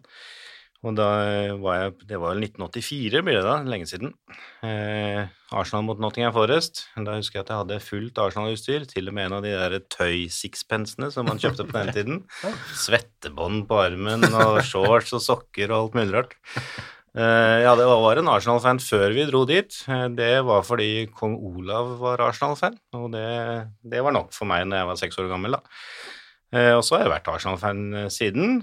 Eh, Jeg bodde jo nesten tre år i London også. Eh, Hadde god timing på det. Det var jo midt i Invincibles-perioden. Så jeg har jo stått på Highbury og sunget We Are Unbeatable i x antall kamper på rad. Det var en god følelse. Det skal vi editere ut. jeg fikk jo også med meg at de gikk over til Emirates, så det var noen veldig, veldig fine år med fantastisk fotball og mm. Men eh, nå er det litt tyngre, Ja. kan man si. Sånn ehm, i de siste årene, da, sånn eh, slutten av Wenger-perioden, Emery eh, og Arteta, ehm, hva er følelsene dine nå? Hva sier de? Nei, altså jeg er jo fremdeles eh, en Arsenal-fan. eh, Ikke like fanatisk som i gamle dager, men eh, jeg må jo si jeg var jo en av de som eh, ville at Wenger skulle gå. Jeg syns de måtte fornye seg. Eh, Det var ikke nødvendigvis bare Wenger sin feil. Arsenal sine problemer har jo veldig mye med eierne å gjøre, og de folkene som de hele tiden har eh, ansatt. Så jeg tenker at de problemene går nesten ti år tilbake i tid. Men eh, Og så gikk de fra Wenger, og så ansatte de en trener som ikke passer, som eh, I hvert fall ikke til, det Arsenal forventa seg av, en klubb, da, i Emery. Eh, han viste jo i Paris at han ikke passa til en stor klubb i tillegg. Han er jo en sånn typisk trener som får eh, litt sånn gull ut av gråstein og eh, veldig god taktisk med et litt dårligere lag mot et bedre lag, som du har sett i Sevilla, og om du for så vidt ser nå også. Eh, og så var det jo det var, det var, egentlig bare et spørsmål om tid før de sparka han ut. Og så har det jo da gått full eh, 180 tilbake igjen til eh, en fyr som er litt sånn som liksom har potensial til å være litt sånn som Wenger, som tenker veldig mye og har veldig spesifikke måter å spille på. Eh, altså er det fryktelig vanskelig å si hva, hva mener man egentlig om Arteta. Altså det er eh, Han startet veldig, veldig bra. Sånn, du fikk følelsen av at han var et sånn taktisk geni eh, i de store kampene, og fikk mye ut av det som Emily ikke fikk noen ting ut av. Men nå har det stagnert. Sam, samtidig da, så har jo Arsenal hatt en helt forferdelig spillelogistikk i uh, sju-åtte år. De bruker et lass av penger og lønnsmidler på eldre spillere som høyst sannsynlig ikke kommer til å levere. Treårskontrakt til William, f.eks. Eh, den kontrakten som Øzil fikk eh, på slutten der, den kontrakten som Aubameyang har fått nå, altså det gir ikke noe særlig mening. Men så de siste Den sesongen her, og litt av forrige sesong, med den har de begynt å hente inn spillere som er 2, 3, 24. Koster en del penger, men de har litt resale value i hvert fall, og de er eh, De ser ok ut. Så jeg tenker at langsiktig så er Arsenal på bedringens vei. Kortsiktig så ser det langt ifra bra ut, altså. Ja, eh, og eh, det er jo eh, noen som vil trekke paralleller til problemer ved eierne også til Tottenham. Vi, vi kjenner jo flere der, Lars Peder. Men sånn eh, Når det kommer til North London Derby, så er jo det et eh, eget eh, beist. Altså, det trenger ikke å være være jevne lag, det trenger ikke å være samme divisjon engang. Disse kampene lever sitt eget liv. Og um, Lars Peder, hvilket uh, North London Derby er det du husker best? Nei, altså, man husker jo Man husker jo sånne øyeblikk, da fra veldig mange. Um, men det, kanskje det, kampen, altså det øyeblikket og den kampen jeg husker best, er jo der Kane skårer det der syke målet og river av seg maska og, og liksom det, det, ikoniske Hele den ikoniske øyeblikket der. Så har man den uh, Hva ble det til slutt? 4-3? 4-3? 3-2, det var 3-2-kampen. Ja, ja. hvor de skårer helt på tampen der. Uh, Jonas Kabul. Kabul, ja. Det var det jeg satt og bare prøvde å komme på navn. Ja, Kabul, hvor han uh, stusser, header inn der helt på tampen, og de vinner 3-2, ja. Den er jo langt fremme, men det er jo Det er som du sier, at uh, alle de kampene lever jo helt sitt eget liv. Altså, det er Jeg føler form Alt som har skjedd i kampene før, dette kan sikkert Sigurd si mer om også, men når, når du skal skrive oddsanalyse på de kampene, Sigurd, så er det nesten litt sånn kaste form og eh, siste kamper ut av vinduet. Det, er, altså det, det kan bli hva som helst, da, hver gang. Absolutt, jeg er helt enig i det også. Det er, eh, du har jo snakker mye om momentum og sånn i fotball, men eh, med en gang det kommer en sånn kamp, så går det ut av vinduet. Mm. Ja. Jeg husker jo veldig godt den første kampen til Harry Rednap. 4-4-kampen. Mm på Emirates, eh, hvor eh, David Bentley skårer et fantastisk eh, langskudd, og så snur Arsenal, og så kommer vi tilbake og får 4-4 der på, helt på slutten ved Aaron Lennon, og det ser en tilskuer ute på banen og oppe i klynga med alle andre. Det var det er veldig rart, men akkurat der og da var jeg helt superfornøyd med et uavgjort. Fordi vi hadde ligget under såpass mange ganger. Jeg tror vi ville under både 3-1 og 4-2. Men eh, jeg var på siste North London Derby på White Hart Lane, og det, det kommer jeg aldri til å glemme. Altså eh, Alley og Harry Kane på straffe. Det, og det var Det var vel Nei, det var ikke siste kampen til Wenger, men, eh, men det var eh, Jeg husker vi sang at eh, We want you to stay. Arson Wenger, we want you to stay. Så det var gøy. Har du noen ja, Eh, jeg har sittet og hørt eh, denne uka her på podkasten When We Were Kings om eh, Tottenham sin 90-91-sesong. Og eh, april 1991 så var det semifinale i FA-cupen mellom Tottenham og Arsenal på Wembley. Og da Gascoigne var i sitt ess og blåste inn et frispark fra eh, 30 meter. Eh, 140 meter, tror jeg Ja, minst. ja, eh, og det er vel et av tidenes mål på Wembley, blir det karakterisert som. Og da var jo Tottenham egentlig et mye dårligere lag enn Arsenal på den tida, og vinner den eh, semifinalen. Det er vel det mest minnerike, men det er jo ikke sånn Det er jo ikke en seriekamp, da, eller ja. ligakamp, men eh, det var stort på den tida, for da var Arsenal stort sett alltid bedre enn Tottenham. Seriemester, ikke minst. Ja. Mm.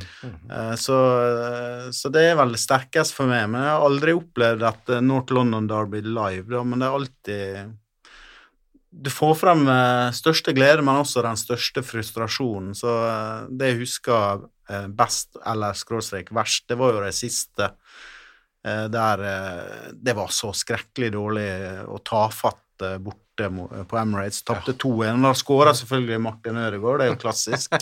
Eh, og, og det var jo Var ikke det rett før de dro til Zagreb og dummes ut i Jo, Europacupen også? Ja. Så det var jo det var det. det var jo helt på slutten av uh, Mourinho-epoken, og det er vel kanskje det dårligste jeg har sett av Tottenham. Sånn, det var så dødt, det var så tafatt, det var så uh, trøstesløst, så jeg håper jo at uh, vi får trøkk igjen nå, da. Ja, det var jo både høyt og lavt fra Lamela der. Han skåra årets mål Ja. og fikk rødt kort eh, for første gang i sin Tottenham-karriere. Um, på eh, I denne sesongen, da, når vi, når vi møtes, eh, så spiller først uh, Arsenal borte mot uh, Burnley. Um, det er jo en litt lottokamp, kanskje? Ja, det er jo det. altså Arsenal er jo sjelden glad i å møte sånne lag. Så jeg føler at det er blitt en litt sånn klisjé med Arsenal. Det var nok mer en Wenger-greie enn det har vært uh, post-Wenger. De gjør det ok mot sånne lag nå. Eh, Så får vi se om de, den Norwich-kampen til Arsenal eh, var et tegn på at ting begynner å Altså, jeg føler ikke at det om man slår Norwich 1-0 Du kan ikke friskmelde et lag på bakgrunn av det. Eh, Så vi får jo se hvordan de kan klare seg mot eh, Burnley, men nå har de i hvert fall så godt som et skadefritt lag, og ikke minst så er Sjaka suspendert, og det tror jeg hever laget. Holdt jeg på å gulpe opp colaen som jeg sitter og drikker her. Sjaka var Ja. veldig god i, eh, i eh, EM i sommer. Ja da, han er, han er en kjempespiller eh, så lenge han slipper å forholde seg til tempo. Eh, altså, han er jo en god fotballspiller, han har en god venstre, venstrefot og passer greit som venstrebekk til tider, men han, han er en van, Altså, jeg syns han i hvert fall han er en vandrende katastrofe sånn eh, tabbemessig, da. Så du, du vet at plutselig så drar han på seg et rødt kort, eller så lager han en straffe, eller så gir han bort en ball, og det er det nesten hver eneste gang for at den er litt grann for sen. Eh, Så jeg, jeg føler ikke han passer inn i Premier League, for helt ærlig. I hvert fall ikke et lag som er ikke han tilbake til North London Derby? Nei, han fikk tre kamper. jo, når du sier det, så er han til på grunn av Liverpool-kampen, ja. Ja. Ah. Når research av meg. Det stemmer. Da- så så eh, da spiller får vi kanskje, bare håpe at han ikke spiller, fordi de har tross alt kjøpt inn to fotballspillere som er bedre enn han. nå, nå ble Sigurd da han oppdaget at Sjaka er klar, men er helt grå, grå i ansiktet sitt her. nå. Bare sette hele arven din på eh, Ja, nei, for all del, det er gult kort til Sjaka, det ville jeg vurdert, men eh, vi får nå håpe han ikke spiller. Nå har de jo henta inn han eh, Samilo Konga, som skal spille sammen med Partøy, så da tenker jeg at det er slutten for Sjaka sånn sett også. Så, Ja. Det er altså, eh, skrekkscenario er selvfølgelig at vi eh, taper på, eh, på søndag, og at eh, Arsenal vinner, og de får lukta Yes. av å ta oss igjen. Men det må jo ikke skje. Men kan jeg si en ting angående det der? Fordi at det er jo helt riktig, Ole Andreas. Altså hvis, hvis Tottenham rykker for Chelsea, Arsenal slår Burnley, og så vinner, eller så vinner Arsenal mot Tottenham neste helg, så er det Arsenal forbi Tottenham. Derfor må vi slutte med det derre mind the gap-greiene. Har vi ikke gjort det, da? Nei, det er fortsatt sånn, Ja, da Tottenham var ni poeng foran Arsenal Nei, altså vi, ikke, nå ser jeg ikke vi, vi, men folk Tottenham-supportere må, må slutte med det greiene. For Selv om Tottenham er ni poeng foran Arsenal, altså det ser jo ut som en evighet. Det ser ut som eh, liksom, det er så mye, men det er liksom Det tar to uker. Altså, det, man, man, man jinxer vekk hele det forspranget der. Tror ikke vi har en sånn kosmisk eh, Jo, jo! innvirkning på Å, jo, jo, jo, jo, det Nei, det har jeg slutta med. Nei, det har vi. Og- og så- men på den annen side, da, hvis du ikke sier mind the gap når det er ni poeng, når skal du si det da? Nei, Du kan si det når det er matematisk uh, umulig å bli tatt igjen. Nei, det Ti poeng og tre kamper igjen, da kan du ta den. Jeg syns jo Arsenal-fansen løste det bra ved å finne opp den St. Tottingham's Day-dagen. Eh, så kanskje man burde ha noe tidsfare. Nå er det jo en stund siden Arsenal kom over Tottenham, så Det er lenge siden dere har feira den dagen nå, da. Nei, jeg husker, husker snart ikke den dagen lenger. Så. Det var vel eh, når Leicester vant ligaen. Da Ja. var det på siste dagen. Ja. Det, Tottenham røk for Newcastle, og så Ja. smatt Arsenal forbi. vi eh, imploderte på slutten av sesongen der eh, når, eh, når det ble klart at Leicester vant ligaen. Mm. Eh, så eh, ja, det Jeg skal eh, Jeg bærer ingen nag mot eh, de spillerne at, det, at lufta forsvant ut der. Det var, eh, var litt som eh, under Harry Redknapp, eh, siste kampen borte mot Burnley. Vi taper 4-1 etter at Luka Modric har gitt oss ledelsen, og så har vi sikra fjerdeplassen. Ja. så bare Det blir sånn utladning da, som bare mm, Ja. gjør at vi ikke klarer å helt å bry oss nok. Det er som siste dag før sommerferien, det, Ole Andreas. Det er ikke da man uh, gyver løs på de store prosjektene Men- på jobben også, det Men disse North London Derbys uh, uh, Dette går jo helt tilbake til eh, 1800-tallet, når, eh, når Woolwich flytta til eh, N5, er det vel? Og, eh, og de bestemte at eh, eh, det skulle rykke ned Nei, det var noen lag som ikke Hvordan var det? Nå, vel, plutselig glemte jeg meg. Det var vel i sånn 1919 eller noe sånt, var det ikke det? Hvor eh, det skulle, de skulle utvide toppdivisjonen. Ja, toppdivisjonen. og da tok de heller og rykka flere lag opp enn å la flere lag bli igjen fra toppdivisjon. Ja, så fulgte de ikke tabellen i divisjonen under. Nei. Arsenal hadde noen gode connections, så jeg Mm. tror eh, Tottenham hadde vel blitt nummer to eller noe sånt, mens Arsenal var nummer fem eller nummer seks. Mm. Og klarte å eh, Litt sånn eh, penger under bordet, eller gud vet hva det var. Superliga Ja, absolutt. Og de har jo ikke vært nede siden, så det var jo en god øvelse sånn sett. Men vi har jo de siste ja, de, ti åra så har det jo vært ganske jevne kamper. Det har sjelden vært noen som har vunnet stort. Vi har en har en, en stygg, eh, et stygt tap på Emirates når, når vi leda 2-0, og så ble Adebayor utvist, blir det vel. Og vi taper 5-2.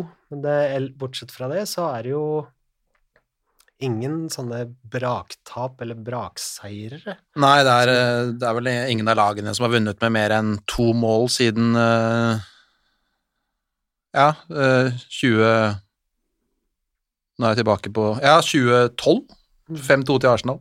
Eller så er det uavgjort ettmålseier eller maks tomålseier til et av lagene. Så Men eh, Sigurd, som Arsenal-supporter, hvor viktig er det for deg at Arsenal slår Tottenham? Er det viktigere enn at dere slår Burnley på søndag, nei, i helga?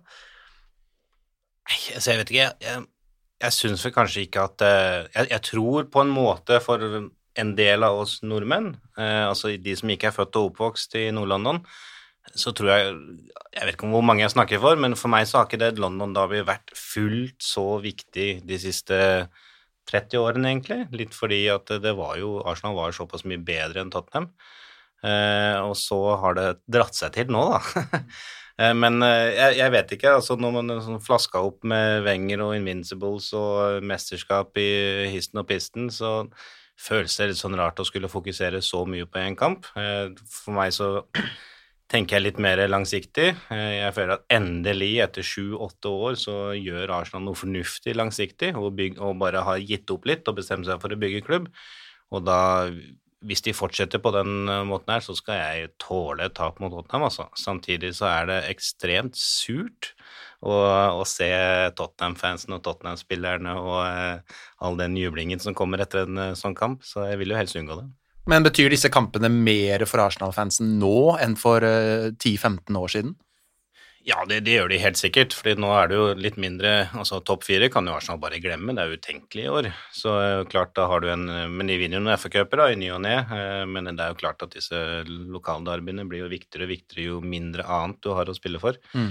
Men en, en sånn god analogi til eh, hvor viktig det Derby var, eh, kan jo være den fra Jeg satt og så på YouTube før i dag fra 2004, når Arsenal vant serien på White Hart Lane. Eh, og de en og de gikk opp i en 2-0-ledelse. Eh, og så på overtid så tror jeg det var Robbie Keane som dytta inn et straffespark. Og så den gleden som var, og den jubelen som var fra fansen da. Altså Nå er det kanskje snudd litt, grann, da. At uh, det ville betydd mye mer. Altså Arsenal vant jo tross alt ligaen den dagen, og det brydde dem jo ingenting at det ble 2-2 i den kampen på slutten. Men, uh, men nå er det kanskje snudd litt, grann, og er mer viktig for en Arsenal-fan å få et godt resultat mot Tottenham. Jeg husker Simon Davis hadde et uh, skudd rett over tverrleggeren på overtid som kunne forhindra det. Da hadde han fått legendestatus hos meg, i hvert fall. Lars Peder, er ha- hva betyr det for deg at um, med disse kampene? Det er jo den første datoen du ser etter i terminlista, og definitivt eh, sånn historisk sett så er det jo de to viktigste kampene i løpet av sesongen. Men så, så kjenner jeg meg litt igjen da, i det Sigurd sier, at eh, for Arsenal-fansen så har jo de kampene kanskje blitt litt viktigere de siste 10-15 årene, etter at de ikke lenger si, spiller eh, om ligagull og er med langt ut i Champions League og sånt nå.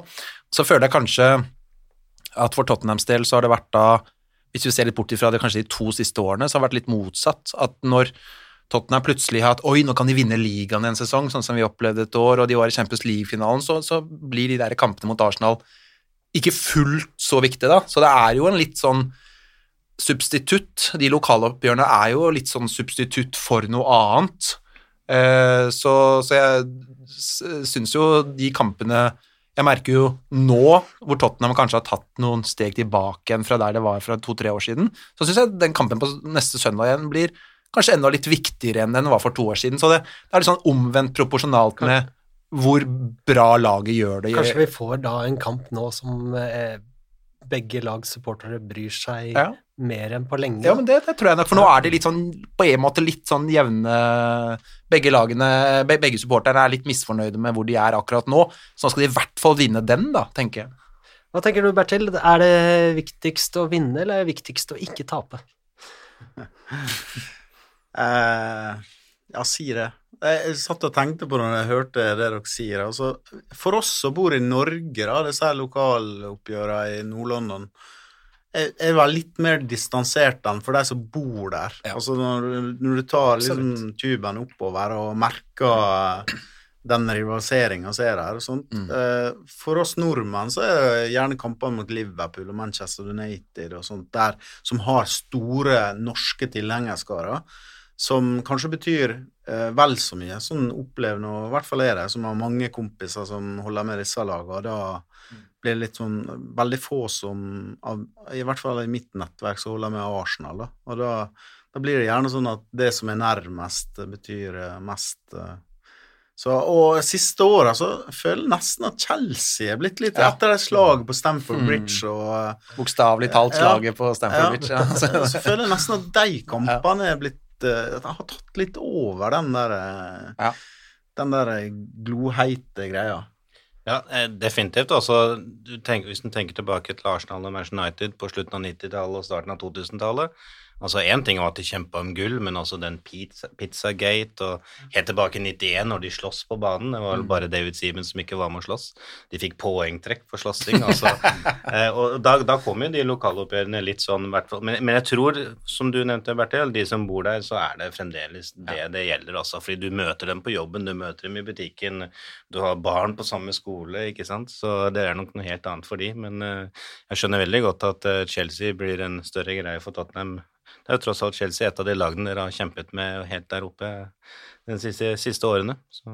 Altså, det med Chelsea er nok veldig riktig at det har utvikla seg til å bli en sånn, ja, en skikkelig London-rival også. Det har vært så mye greier med Chelsea vel som snø Tottenham for den der Champions League-plassen første år, ikke sant? Aldri vært så sur på Bayern München noensinne. Ja, men De straffekonken ligger fortsatt Ja. eh, til hat hos Og så altså. snapper de Eden Hazard, som hadde kommet til Tottenham, vel, eh, hvis ikke Chelsea hadde vunnet, ikke sant. Så det, og så det derre slaget på Stamford Bridge. Altså det, og så har det vært noen sånne episoder, ganske stygge episoder de siste årene også, så, så de der kampene mot Arsenal, ikke sant, de smeller litt og der og da, men eh, de Chelsea-kampene, det har blitt liksom ganske hett rundt dem også, altså. Ja, absolutt. Vi var innom Rydiger her i sted. Mm. Eh, Den seansen der Ja. han eh, Mm. faller veldig lett når sånn opp med beina, da. Ja. Og alle som så All or Nothing med Tottenham, skjønte jo hvor urettferdig sånn syns det var da han Mm. kom inn i garderoben og sånt, så det er jo Han var, det er helt Han var på gråten, Ja. stakkars. Ja, men det ødela jo hele jakta på poeng i den kampen for Tottenham, så Ja. Så jeg tror nok Rydiger skal, hvis han spiller i den bakre treeren til Chelsea, så skal han nok få høre det hver gang han er borti ballen, tror jeg. Ja. Han var jo Han- enda til uh, linka veldig til Tottenham ja. for et års tid siden. ja, det var, eh, det var greit at det ikke skjedde. Det er sant. Det hadde vært eh, som å som å eh, signere Sol Campbell som manager, tenker jeg. Det, Gud bedre. Oi, oi. Nei, øh, vi kan snakke om noe hyggelig isteden.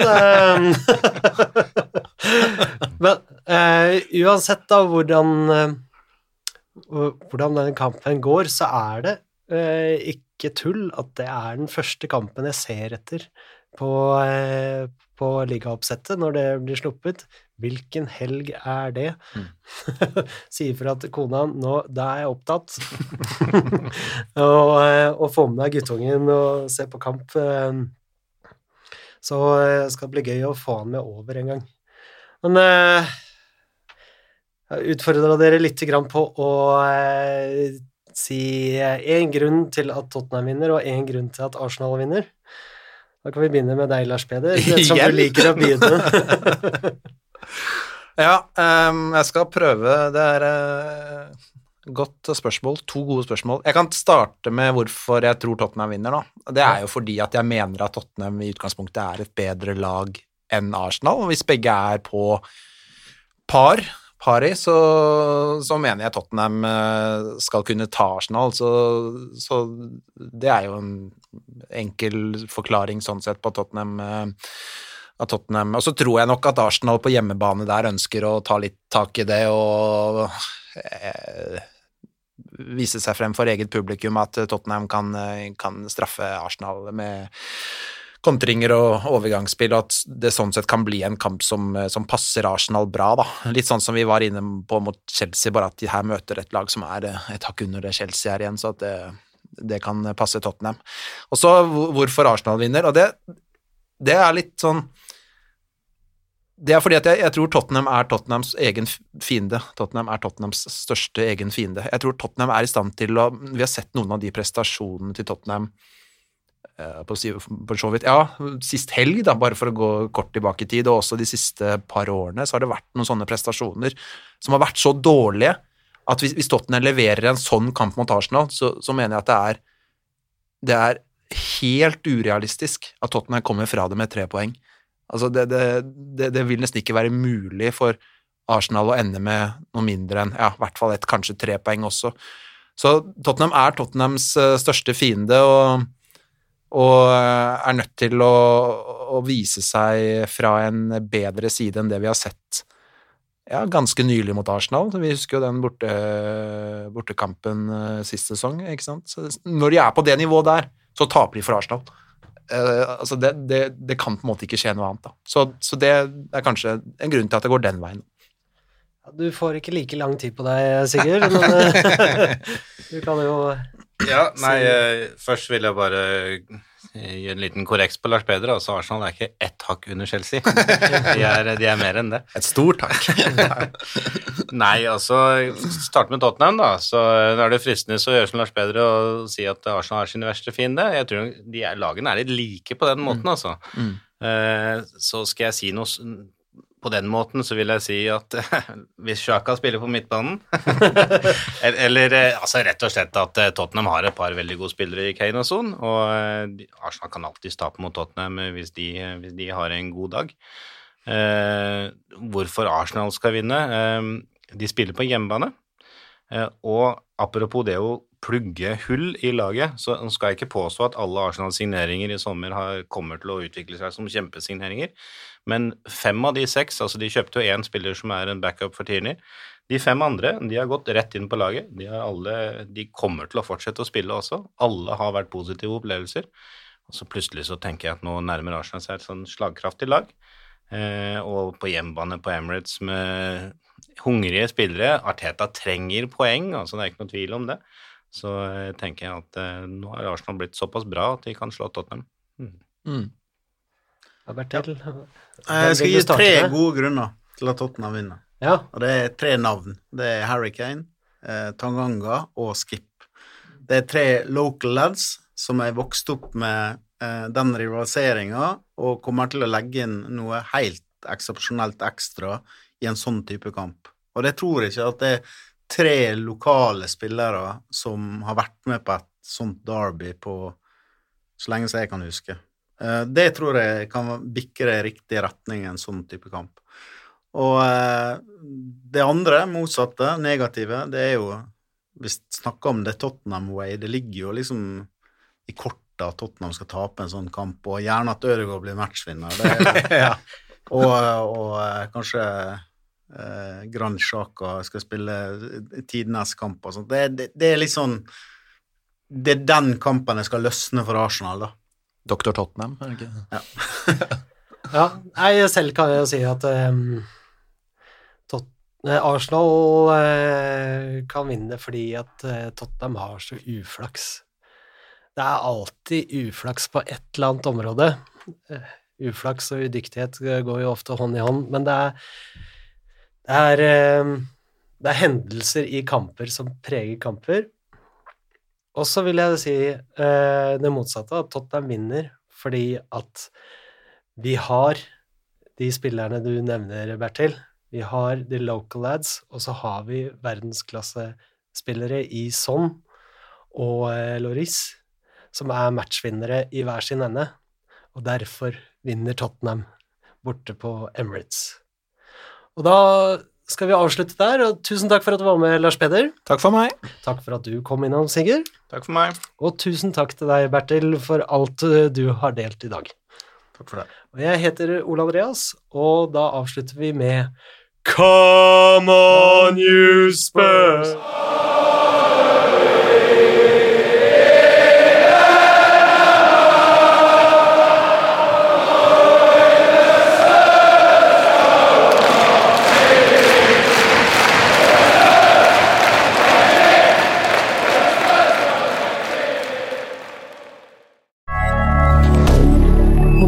Moderne media.